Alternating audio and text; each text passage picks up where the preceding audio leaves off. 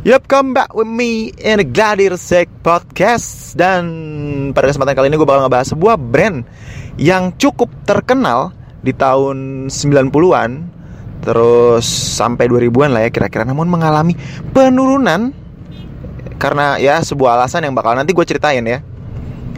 Dan ini cukup keren banget.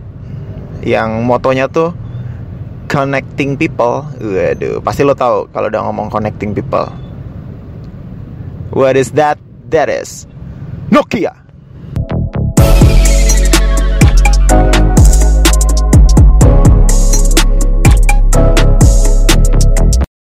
A good news. Untuk yang mau tahu lebih lanjut tentang Gladirsik Podcast atau mau kirim kritik dan saran silahkan kirimkan ke email at gladirsikstudio7 atau DM ke Instagram at Gladiosik Studio. Stay tune nam podcast Gladiosik. Gue nggak tahu di era sekarang tuh masih ada anak yang tahu nggak sih tentang sebuah handphone yang terkenal banget pada waktu itu dan dia tuh berhasil menjadi salah satu yang paling dicari-cari dan sempat melonjarkan harga yang sangat mahal dan kalau lo buka pertama kali nyalain gitu ya ada tulisannya connecting people ada tangan su jabatan. Uh ikonik banget men. Nokia. Kemudian Nokia itu pertama kali tahun 1984 meluncurkan produknya dan fokus di mobile phone. Uh luar biasa. Jadul ya anak-anak 90-an pasti tahu gitu. Dan sebelum merambah ke dunia smartphone atau mobile phone ya belum belum terlalu smart mungkin waktu itu ya nggak tahu juga tapi ya, sudah mobile phone lah ibaratnya. Itu mereka sempat pertamanya bikin produknya tuh macam-macam lah dari mulai karet, ban, TV segala macam yang tidak ada hubungannya dengan mobile phone gitu kan. Dan kemudian tuh tahun 90-an ganti manajemen mereka akhirnya fokus untuk mengembangkan dunia mobile phone. Dan tahun 90-an tuh era golden eranya golden eranya Nokia. Nah, luar biasa sekali. Dan mereka terus menciptakan inovasi bahkan beberapa handphone mereka pernah secara promosi gitu gitulah kayak tampil di film kemudian melibatkan artis gitu kan musik segala macam kayak gitu. Wah, luar biasa lah pokoknya. Terus bisnismen. Jadi mereka membuat berbagai macam varian untuk berbagai macam segmen gitu kan. Terus kemudian tahun 2000-an itu sempat ada handphone yang khusus untuk musik tuh Express Music ya kalau nggak salah.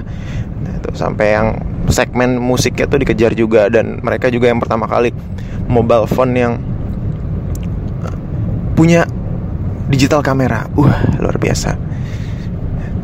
Terus wah yang keren lagi ya kan? Dia ngeluncurin produk yang buat gamers.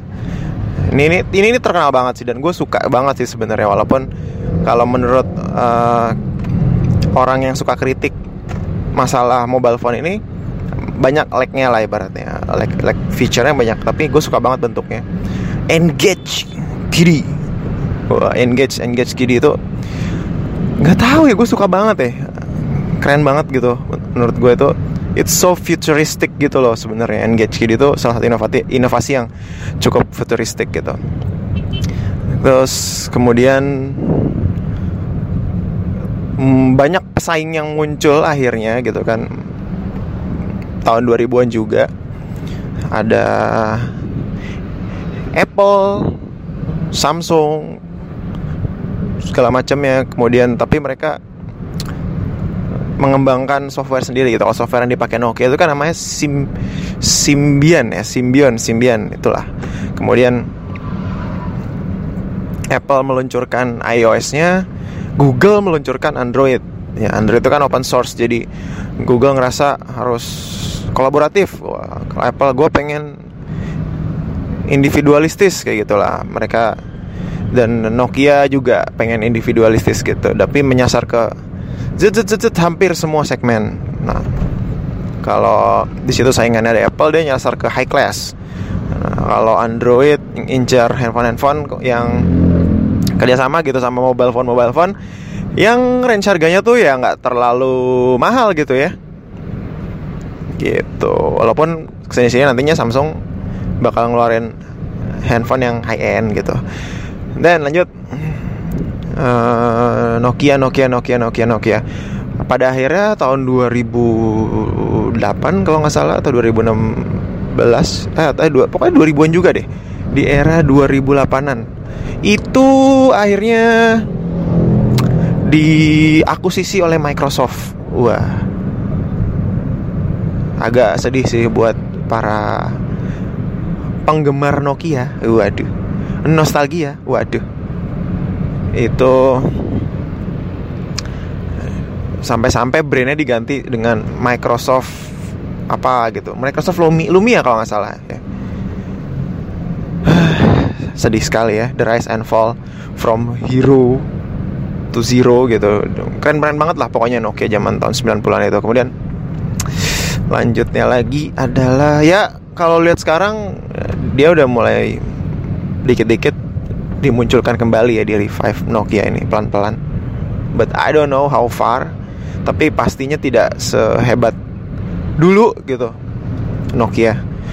Kalau menurut gue ya, dilihat dari yang kalau dengar gaungnya tuh sekarang terutama di Indonesia ya. Ini terutama di Indonesia. Itu Apple udah pasti number one brand most valuable brand. Samsung pasti. Terus ternyata ada kompetitor dari negeri tirai bambu China itu Xiaomi. Itu juga lagi booming boomingnya tuh brand di Indonesia. Nah, mereka benar-benar ngambil low middle high class. Semuanya tuh ada diambil mereka bertiga tuh. Kalau yang gue lihat ya secara brand sama orang-orang gue rata-rata pakai handphonenya apa gitu. Terus kemudian apa yang bisa kita pelajari dari Nokia wah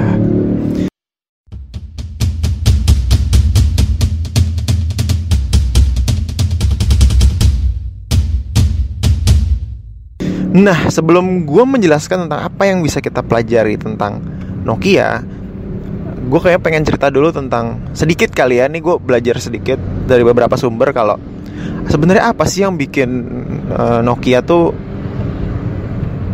langsung fall down gitu lah. Ibaratnya langsung terjun bebas. Padahal dulunya tuh kayak I'm the king, but now I'm done.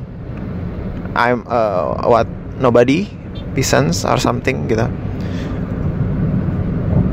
kalau dari beberapa ya sumber yang gue baca, pertama mereka ada internal konflik gitulah di Nokia pribadi sendiri. Nokia pribadi, ide kayak orang. Di internal Nokia mereka ada internal konflik gitu. Terus uh, mereka kalau lagi mau meluncurkan sebuah ide, researchnya tuh lama sekali katanya gitu ya.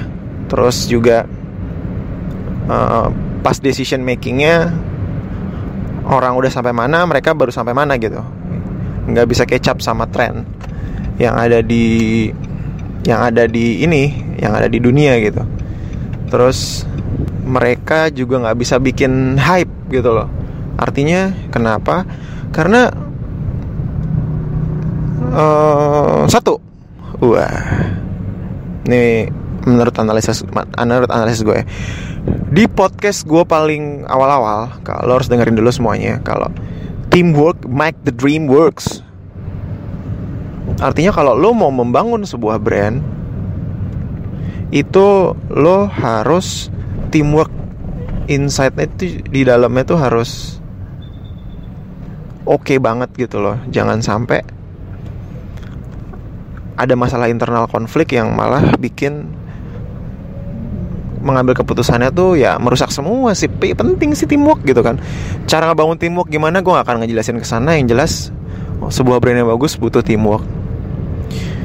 Itu ada ahlinya lagi lah kalau gimana caranya bikin teamwork ada kan tuh seminar seminarnya segala macam. Kemudian dari tadi kenapa dia turun salah satunya adalah lama ngambil keputusannya decision makingnya. Terus apa? Ya ketinggalan sama yang lain jadinya gitu kan. Nah itu kenapa makanya sekarang sekarang ini banyak banget. Justru yang dicari adalah bagaimana mempercepat pengambilan keputusan. Uh jadi itu aspek yang sangat penting rupanya. Gimana caranya kita membuat ide kemudian secepat mungkin dieksekusi. Tapi idenya tetap valid. Tapi idenya tetap memungkinkan gitu. Artinya karena dunia makin lama tuh semuanya it's all about pace. It's all about running. Semua semakin cepat. Kalau dilihat gitu kan.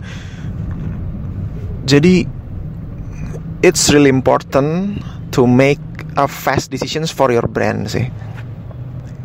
Menurut gue ya kalau dilihat dari yang gue cek-cek sumber informasinya segala macam tentang Nokia kalau ternyata dia cukup lama untuk mengambil keputusan sebuah keputusan gitu yang which is semuanya udah bergerak mulai cepat meluncurkan ide-ide baru uh, mungkin bukan nyontek kali istilahnya ya.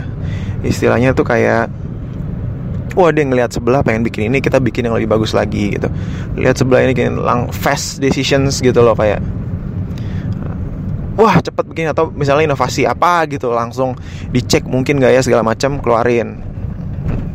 Terus terakhir adalah positioning brand positioning brand.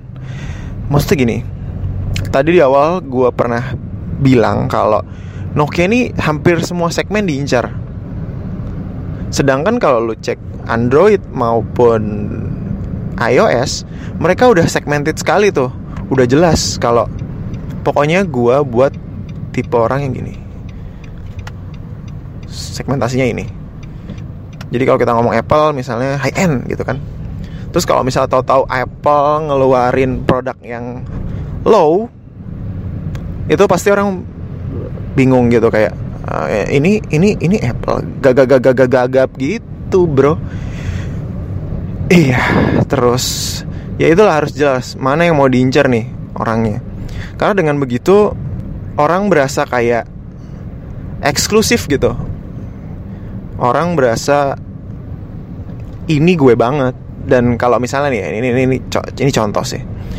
Ada orang yang baru misalnya punya gaji gede tiba-tiba kan ada kan yang tipenya gitu kan.